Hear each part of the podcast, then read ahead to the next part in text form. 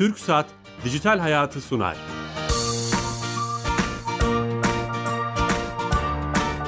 Herkese merhaba, ben Bilal Eren. Teknoloji, internet ve sosyal medyanın hayatımıza etkilerini konu edindiğimiz Dijital Hayat programımıza hoş geldiniz. Her cuma 15.30'da TRT Radyo 1 mikrofonlarında dijitale dair bir konuyu sizlerle konuşuyoruz ve bu konunun uzmanını da e, stüdyomuza davet ediyoruz.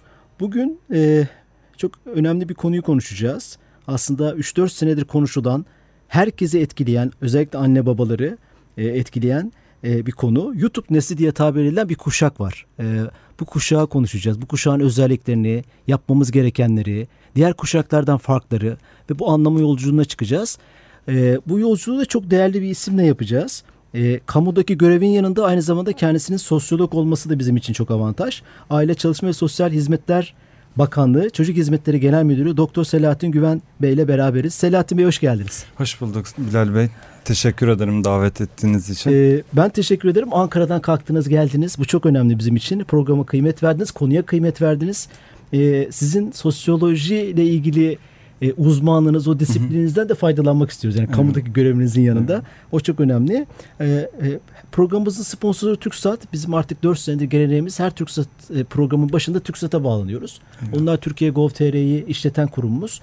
E, devletin hizmetlerini bize dijital olarak sunan e, bir kurum. Çok değerli bir kurumumuz. Evet aynen öyle. E, orada Sami Yenici arkadaşımız var direktör. Bize her hafta bir özelliği, servisi, hizmeti anlatıyor. Sami Bey.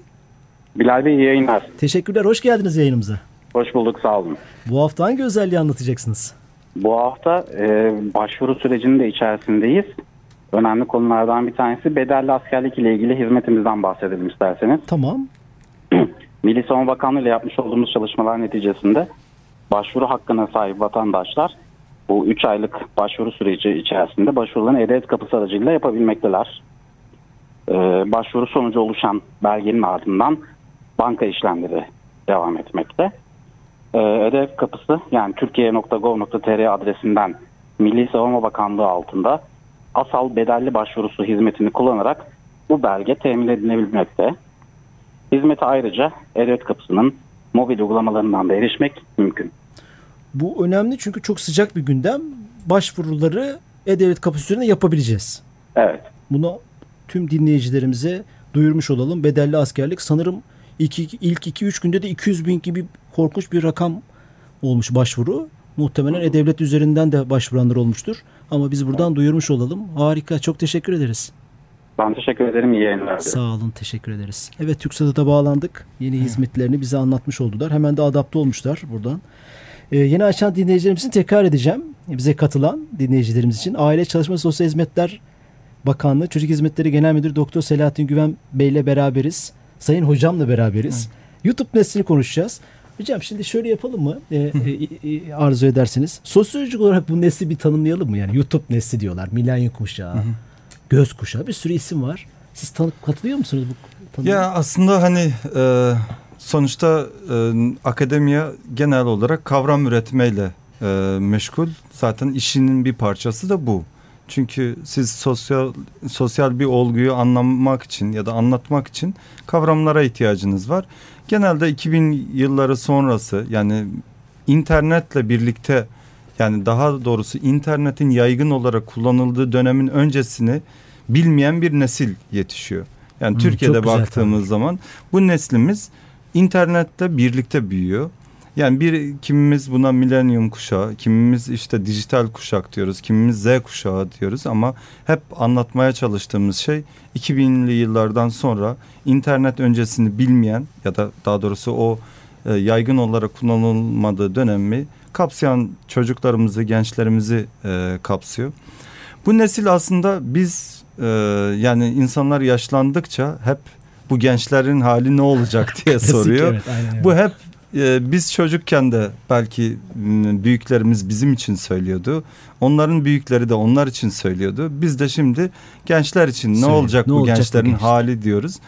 Bu gençler e, tarih var oldukça, insanlık var oldukça Hazreti Adem'den bu yan hep çocuklar, gençlerimiz oldu, yaşlarımız oldu. Kuşaklar arası yani bazen çatışma, bazen dayanışma, bazen de iletişim oldu. İşbirliği. Bununla işbirliği de o e, yani bu nesil anlamda baktığımız zaman tabii ki biz mesela Türkiye'deki insanlar olarak belki e, bazılarımız elektriğin olmadığı dönemleri hatırlıyor. Televizyonun olmadığı dönemi hatırlıyor ya da renkli televizyonun olmadığı dönemleri hatırlıyor. Sonra internetin geldiğini hatırlıyor. Şimdi öncesini bilen sonrasıyla karşılaştırma yapabiliyor. Ama içinde doğan zaten öncesini ancak bir tarih bilgisi olarak onunla iletişim haline geçebiliyor. O yüzden gençlerin e, bizim gibi her şeyi bizim gibi düşünmesini beklemek hata zaten. Onlar başka bir neslin, başka bir çağın insanı ve geleceğe hazırlandıkları çağa göre eğitilmeleri lazım. Yani geçmişe göre eğer eğitirsek bu çocukları, geçmişteki kodları onlara aktarırsak geleceğe hazırlayamayız. Onları nasıl bir gelecek bekliyor ise bugün internet, teknoloji nasıl bizim için çok mühim ve değerli ise o teknolojiyi nasıl daha iyi kullanabileceklerini, onunla daha barışık ve onun içinde onu üretebilecek şekilde nasıl yetiştirebileceğimiz üzerinde konuşmamız lazım. Bence ne olacak bu gençliğin halinden ziyade ne olacak bizim Vay, bu bakış süper. açımız diye düşünüyorum. Evet Yani- şimdi çok güzel bir giriş yaptınız aslında. Evet. Kamudaki şapkanızdan çok bence sosyolog şapkanızda yaptığınız Eyvallah. bir şey. Yani onu Evet. hissediyorum. Önemli bir tespit. Ee, hani bizim doğrularımız onların doğruları olmayabilir. Onların doğruları bizim yani bir o çatışma ve şey normal karşılıyorsunuz Evet. yani siz bunu. Bir anormal bir şey olarak karşılamıyorsunuz. Bu tarih boyunca hep böyle, böyle oldu. olmuş. Yani birçok e, yazarı okuduğunuzda geçmişte de aynı şeyler söylüyorlar. E, gençlik kötüye gidiyor di- diye düşünüyor. Herkes böylesin. Bu biraz ben bizim neslin yaşlandığını ifade gösterir? gösterir. Onu Evet. gösterir bence. Yani çünkü biz bazı şeyleri adaptasyonu çocuklar kadar yapamıyoruz. Teknolojiye biz adapte olmak istiyoruz ama biz teknoloji öncesini belki gençlerimiz kadar e, yani çok hızlı adaptasyon sağlayamıyoruz. Sağlayamadığımız için onun tel, bilmediğimiz bir şeyinden korkuyoruz. Bütün insanlar böyle Doğru. yapar. Genelde bilmediğiniz şeyden korkarsınız. Onu e, nasıl kontrol edeceğinizi bilmediğiniz için de e, oradaki riskler gözünüzce çok büyür, canavar olarak görürsünüz. Ama biz sokakta oynayan çocuklardık. Yani bir e, bizim Kesinlikle. çocukluğumuz döneminde. E, şimdi çok sokaklar ko- korkulacak yermiş gibi bakılıyor belki. Bunu hem biz kendi çocuklarımıza aktarıyoruz. Aslında biz bir taraftan da Erol Erdoğan hocamız sürekli bunu söyler. Yani sokaklar ancak çocuklarla güvenli hale gelir. Hmm, çok güzel. Aynı zamanda biz sokakları çocuklarla güvenli hale getirmeliyiz. Yani tabii so- e, bir tarafta biz sokakla büyümüş e, bir nesil olmakla birlikte çocuklarımızı sokağa bırakmayan bir nesile dönüşüyoruz. Öbür taraftan da bu çocuklar e, sokağa çıkamadıkları için ekranla daha fazla vakit geçirdiği için de bu sefer ekran bağımlılığı niçin var diye tartışıyoruz. Burada aslında bizim e, ebeveyn olarak, toplum olarak, devlet olarak bir pozisyon almamız lazım. Çocuklar için sokakları güvenli hale hem sokağa genel e, akranlarıyla bir araya gelmesini sağlamamız lazım. Ama aynı zamanda ekranda geçirdiği zamanı da e, pozitif içerikle karşılaşmasını sağlamamız lazım. Yoksa biz ekranı yasaklayıp e, bu şekilde çocukların eğlenmesini beklersek çok temel bir hakkını elinden almış olacağız. Çocukların oyun oynama hakkı var. Şimdi ba- bana bir güzel bir top attınız. Hı. O topu ben değerlendirmek Evet. istiyorum. Sizin bir şeyiniz var. Sırası gelmişken konuşalım. Aslında başka sormak istediğim şeyler vardı ama önemli burası. Çocuk Hizmetleri Genel Müdürü veya bakanlığın galiba o proje. Ekranda değil akranla büyüyor. Bir projeniz var. Şimdi bu söylediklerinizle bir e, söylemde bir te- tezat oluşturmuyor mu? E, ekran değil akranla büyüyor.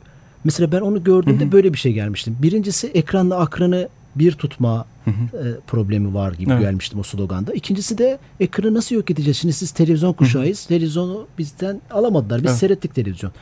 E, orada onu ben mi yanlış anladım acaba o sloganı?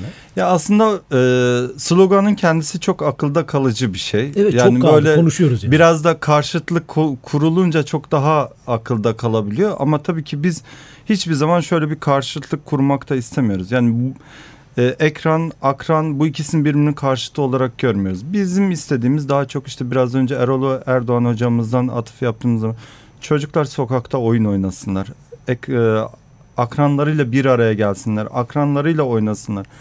Bir diğer husus çocuklar bazen aslında ekranla oynarken yalnız kalıyorlar ve ay, arkadaşlarıyla birlikte oynama yani online oynasalar bile birlikte zaman geçirmediklerine belli sosyalleşme noktalarında eksikler oluşabiliyor.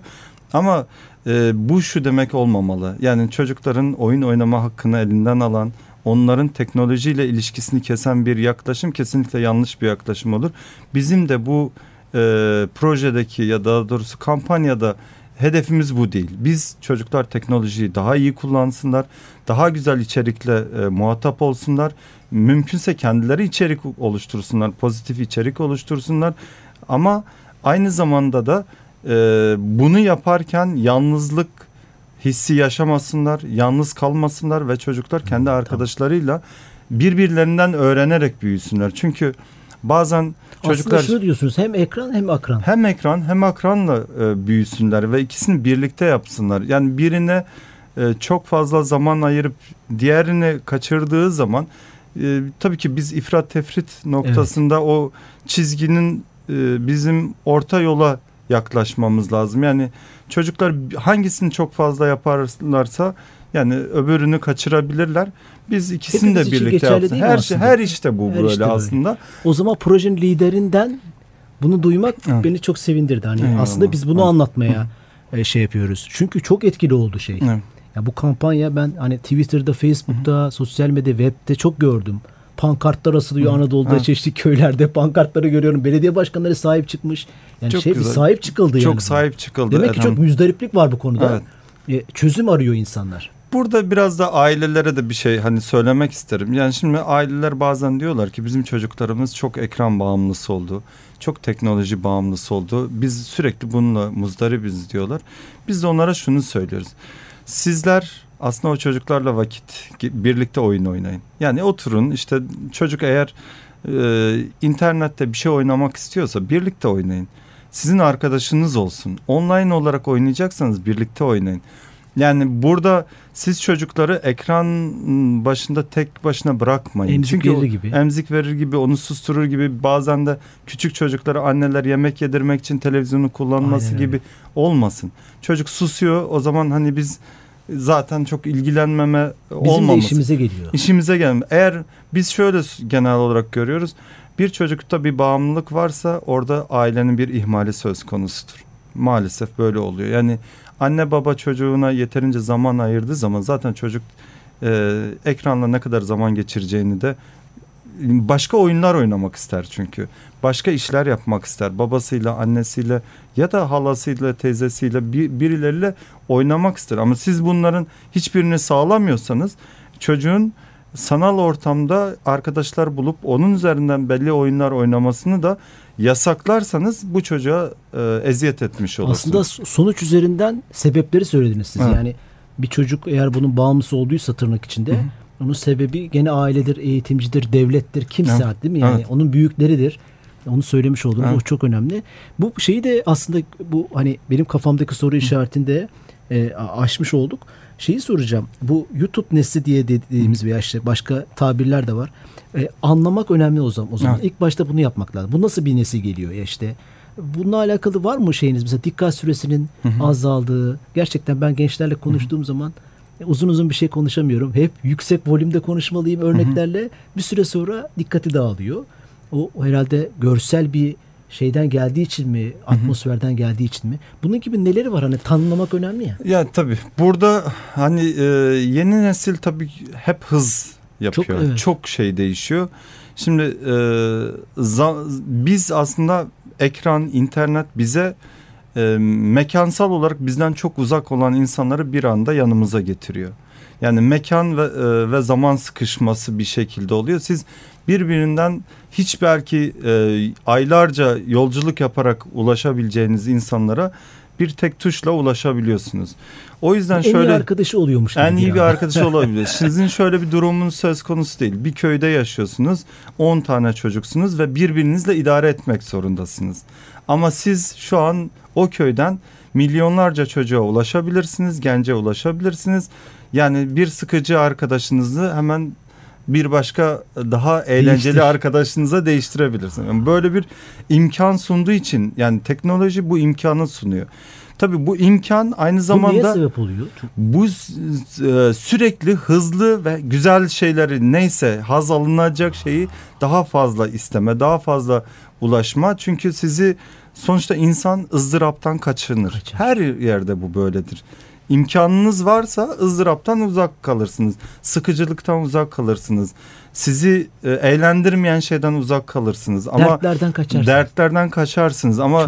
İmkanınız yoksa bunlara katlanmak zorunda, sabretmek zorunda kalırsınız. Yani yalnızca kat, katlanmak değil, belki sabredersiniz ama O ama ilişkiyi bu güçlendirir. ilişkiyi güçlendirir, derinleştirir ilişkinizi. Birbirinizi sevmenizi belki sağlar. Birbirinize katlanmayı ve daha iyi yaşamanızı sağlar ama öbür tarafta siz ona tat, e, beklemiyorsunuz. Sürekli başka bir yerler arı. Bu da e, insan yalnızca e, güzel şeylerle sürekli karşılaşmaz. Yani güzellik her zaman daim olmaz. Daim olduğunda da zaten güzel olmaktan çıkar. Böyle bir sorunla Çok karşı karşıya biraz çocuklar Evet, bir gençler böyle- sosyologla yapmanın güzelliği. evet, Çok evet. güzel tanımlar. Evet, bu böyle bir hani sorun alanı olabiliyor ama çocuklar tabii e, şimdi Bu da hedonizm dediğimiz değil mi? Hazcılık. Hep hazcılığa doğru götürebiliyor bazen çocuklara ama şunu da yapmak lazım. Ona göre çocuklara bir şey anlatmak lazım. Yani şimdi mevcut hal buysa bu hale uygun nasıl davranacağız? Bunu çözümlü bulmamız Nasıl davranacağız? Çözüm Yani önerisi. bu bunun için aslında bu e, sanki çocuklara biraz e, deneyimi birlik her ne yapacaksak birlikte deneyimlemek lazım. Yani hiçbir zaman e, çocuk bazen şunu görebiliyor. Oyun oynarken birini tokatladığında tokatlıyor ve hiçbir şey yok ama dışarıda arkadaşıyla oynadığında birini ne tokat attığında onun üzüldüğünü, onun ağladığını yani bunu doğrudan deneyimlediği zaman çocuk olgunlaşıyor, büyüyor. Ama bunu yapmadığında yani tokat atılır. Yani hatta ben 5 kilo aldım, sen kaç kilo aldın diye sorabilir. Yani insan öldürülebilir orada. Doğru. Yani bunlar normal e, online olarak normal olabilir ama bunu o kadar hani ben geçmişte bir gazete haberi okumuştum. Şöyle diyordu. İşte benim e, babam babası vefat ediyor. Ya diyor baba çocuk demiş ki benim babamın yalnızca bir canı varmış. Allah Allah. Şimdi Evet, bu şöyle üzücü. bir şey. Ee, yani bizim gerçekle de o çocuğu karşı karşıya getirmemiz lazım. Aslında geçmişteki babalarımız işte biri vefat ettiği zaman bizi cenazeye götürürlerdi belki mezarlığa götürürlerdi. O duygu O şekilde duyguyu ölüm nedir onu anlardınız. Ölüm anında ne yapılmalı? Yani o yas nasıl tutulur? Birlikte nasıl e, ağlanır? Birlikte nasıl o duygu paylaşımı yapılır? Aslında e, çok yakınını kaybetmiş birine bütün toplum olarak siz sahip çıkarak onun acısını hafifletiyorsunuz. Ama şimdi işte dediğiniz gibi bir oyun oynuyoruz. Benim oğlumla birlikte oynadığımızda baba 3 kilo aldım diyor. Diğeri 1 kilo aldım. Ama mesela konuşmadığınız zaman yani o herhangi bir oyunda yani işte birini vurmak yani vurulur ne var ki hani e, şey gibi gelmiyor. Ölüm gibi gelmiyor. Gerçeklikten uzaklaşmış. Gerçeklikten kopuyor bu zaman. Yani yalnızca kendi ancak o acıyı yaşadığı zaman bunu hissedebiliyor. Bu da aslında bir başkasını anlama, empati duygusunu azaltabilir. Bu yalnızca çocuklar, gençler için bir şey değil, yetişkinler için İçinde de bu. Doğru. böyle söz konusu. Yani bizim bir başkasını anlayabilmek için biraz birlikte zaman geçirmeye ihtiyacımız var. Bunu ekran üzerinden de birlikte zaman geçirebiliriz. Bir yetişkin olarak çocuğumuza anlatmamız lazım. Yani böyle bir hikaye anlattığınız zaman o çocuk aslında e, ölümü, aynı zamanda yas tutmayı, bunu bütün bu geleneği öğrenmiş oluyor. Yani çünkü toplum dediğiniz şey aslında geleneğin bir de bir şekilde kendini sürdürülmesiyle var olan bir şey. Siz o geleneği aktarmış olursunuz ama e, yani yeni imkanların önünü açmadığınız zaman da yani gelenek körü körüne bir inanca dönüşür yaşamaz. Yani onu geleneği güçlü kılan şey onu yaşanabilir olma imkanıdır. Bu yaşanabilir imkanı da ebeveynler olarak biz çocuklarımızla ancak iletişim kurarsak geleneğimizi aktarabiliriz. Bunu teknolojiyle birlikte de yapabiliriz. Şunu anlıyorum anlattıklarınızdan. Çocuğuyla beraber olun. İnternette Evet. de olun, sokakta da olun. Evet. Nasıl sokakta, parkta, okulda bir kafede onu yalnız bırakmıyorsak değil mi? Evet. Soruyorsak. En kötü anne baba bile göz ucuyla bakar, Evet. sorar. E, öğretmenin arkadaşını tanımak ister. İnternette de aynı şekilde belki ondan daha fazla şekilde Hı hı. o şeyi yapmalıyız. Onu anlıyorum söylediklerinizden yani. Ya burada şöyle bir hakkımız yok. Yani bazen YouTuber'lar, bazen başka birinin benim çocuğum bunu çok özeniyor. Bununla sürekli onun yaptıklarını taklit ediyor. Tabii ki eder. Çünkü e, yani çocuk olmak bir şekilde öğrenmeyi farklı şekilleri denim, deneyimlemeye çalışmaktır. Bazen taklit edersiniz, bazen modellersiniz, bazen siz kendiniz böyle sınırları aşmaya çalışırsınız. Ya bu hepimizin yaşadığı çocukluk yaşadık ve hepimiz yaptık bunları. Hani bir şekilde e, bu bizden sonraki nesil de bunu yapacak. Yapacak. Bunları bilerek buna göre biz bu çocukla e, yani o sınırları birlikte konuşmak lazım. Çocuk bazen sınırı geçecek belki. Geçtiğinde yani e, nasıl küçükken sobaya eli değsin diye bek, yani canı acırdı annenin babanın ama çocuk Ha, bir gider etmezdi. dokunurdu anlardı tamam bu sobaya uzak duracağım demektir. Ama bazen hani onu görün görmek lazım. Hani o sınırı aştığını gördüğünüzde ama çocuğa o anla da yanında olmak lazım. Canı acıdığı zaman nasıl sobaya eli değip yandığında siz onu sarıyorsanız, öpüyorsanız çocuğunuzu parmağını internette de istemediği bir içerikle karşılaştığında, bir kişiyle karşılaştığında siz orada olmalısınız ki onu görüp o çocuğu nasıl e, yardım edebileceğinizi göstermeniz lazım. Yani çocuk onu görecek, siz de ondan kendi deneyiminizi aktaracaksınız ki e, nasıl korunacağını görmüş olacak. İlginç bir şey söylüyorsunuz. İnternette de e, deneyimlemekten Evet. bahsediyorsunuz. Yani siz. Evet. İnternette de e, o istemediğimiz işte YouTuber'ların görüntülerini görebilir. Görmeli belki de onu görmeli ve ailesi de onu uyarmalı veya o bu örnekleriyle şey geldi aklıma. İngiltere'de bir İçişleri Bakanlığı'nın bir şeyi e, bir kamu spotu diyelim. 3-4 yaşında şey pardon 3-4 tane öğrenciyi 7-8-9 yaşlarında yan yana oturuyor. Belki o videoyu seyretmişsinizdir. E, e, bir veli var veya öğretmen soruyor. E, kendi yatak odanda veya o evinde çektiğin fotoğrafı Londra'nın en büyük meydanına asar mısın? Çocuk diyor ki ne saçma soru asar mıyım? Veya evinin kapısı açık uyur musun? Ne saçma soru diyor. Ama işte Facebook'ta şifreni 1 2 3 4 5 yaparsan evinin kapısını açmış gibisindir. Açmış kapı. Facebook'a koyduğun fotoğraf Londra'nın en büyük meydanına koyduğun fotoğraf gibidir. Bu çok hoşuma gitmişti. Evet. Yani oradaki örneklerle dünya gerçekteki hayattaki örnekleri karşılaştırmış. İşte Herhalde böyle. burada yani çocuk bunu anlamayabilir. Yani bizim Anladım. anlatmamız Doğru. gerekir. Yani burada e, onun mesela Facebook kullanmak istiyor başka. YouTube'da belki video çekip koymak istiyor. Çünkü ben e, hem kendi çocuklarımda yani hem de e, kuruluşlarımızdaki çocuklardan da bunu görüyorum. E, çocuklar bunları istiyor. Benim oğlum mesela e, sürekli baba ben ünlü olmak istiyorum. Beni ünlü yapar mısın diye diyor. Yani bunu istiyor. Aa, tamam bunu hani istemesi ve benim bununla ünlülükle ilgili konuşmam lazım ona. Ben çünkü her insan beğenilmek ister. Yani ben bir fotoğraf koyayım e, işte Instagram'a. Herkes gelsin beğensin bunu ister ama Bunda e, bu- önceki kuşaklarda var mıydı böyle bir şey? Ünlü olma isteği? Bu Mu- kuşağın da bir özelliği. Muhtemelen o şöyle bir şeydir. Yani orada da başka bir şekilde bir hani mesela köy yerindeyseniz, mahalledeyseniz siz orada başka bir maharetinizle ünlüsünüz aslında. Öne çıkmak istersiniz. Öne çıkıyorsunuz. Burada da siz geneli kullanıyorsunuz. Çünkü siz artık bir mahalle üzerinden veyahut bir köy üzerinden değil, ölçeği büyüttünüz. Doğru. Dünyanın hepsini kapsıyorsunuz. Orada fark oluşturmak istiyorsunuz. Farklı olduğunuzu, Rakamlar farkınızın fark edilsin. Şu kadar takipçim var, bu kadar Tabii. görüntüleme var. Bu, bu kadar onu çünkü arkadaşınıza onun üzerinden ya bakın ben bu kadar ben bir şey koydum. Herkes beni beğendi. Benim fotoğrafımı beğendi. Demek ki ben güzel bir şey yakaladım. Güzel bir şey yaptım diyor. Yani burada tabii ki bizim çocuğa o sayılar üzerinden bunun önemli olmadığını, niteliğin önemli olduğunu anlatmamız lazım ama bu ancak çocukla zaman geçirirsek, çocukla birlikte yaparsak yani bunu mesela binlerce kişi beğenebilir. Yani oturur çok absürt bir içerik oluşturursunuz ve gerçekten de dikkat çekebilir. Ama bunun 3 ay sonra nasıl zararlarını görebileceğinizi anlatabilirseniz bunun niteliğin yani bazen şöhretin kendisinin bir bela olabileceğini anlar. Ama bir tarafta çok güzel bir e, fotoğraf çeker.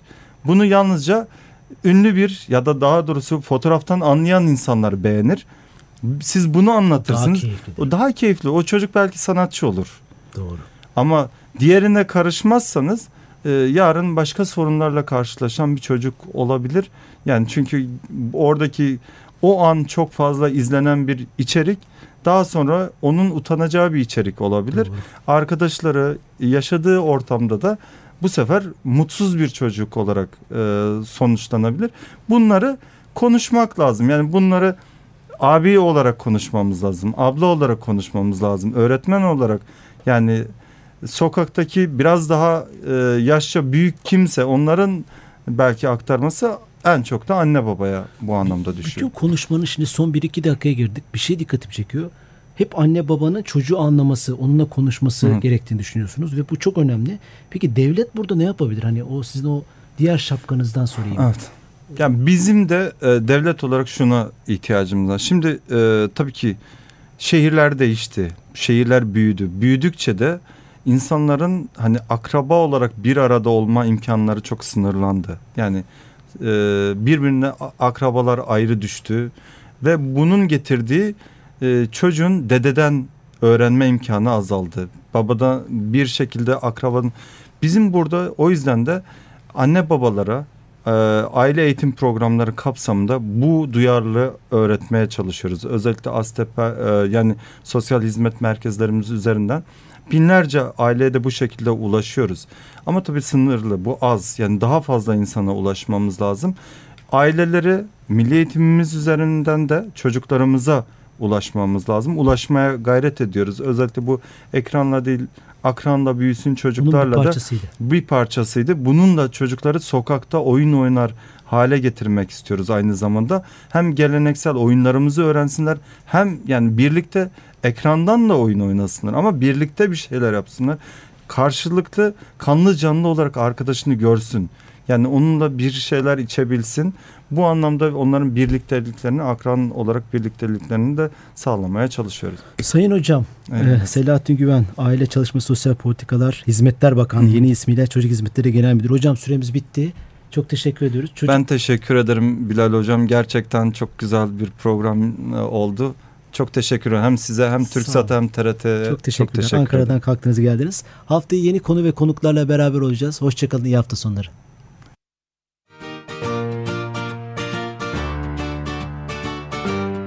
TürkSat Dijital Hayatı sondu.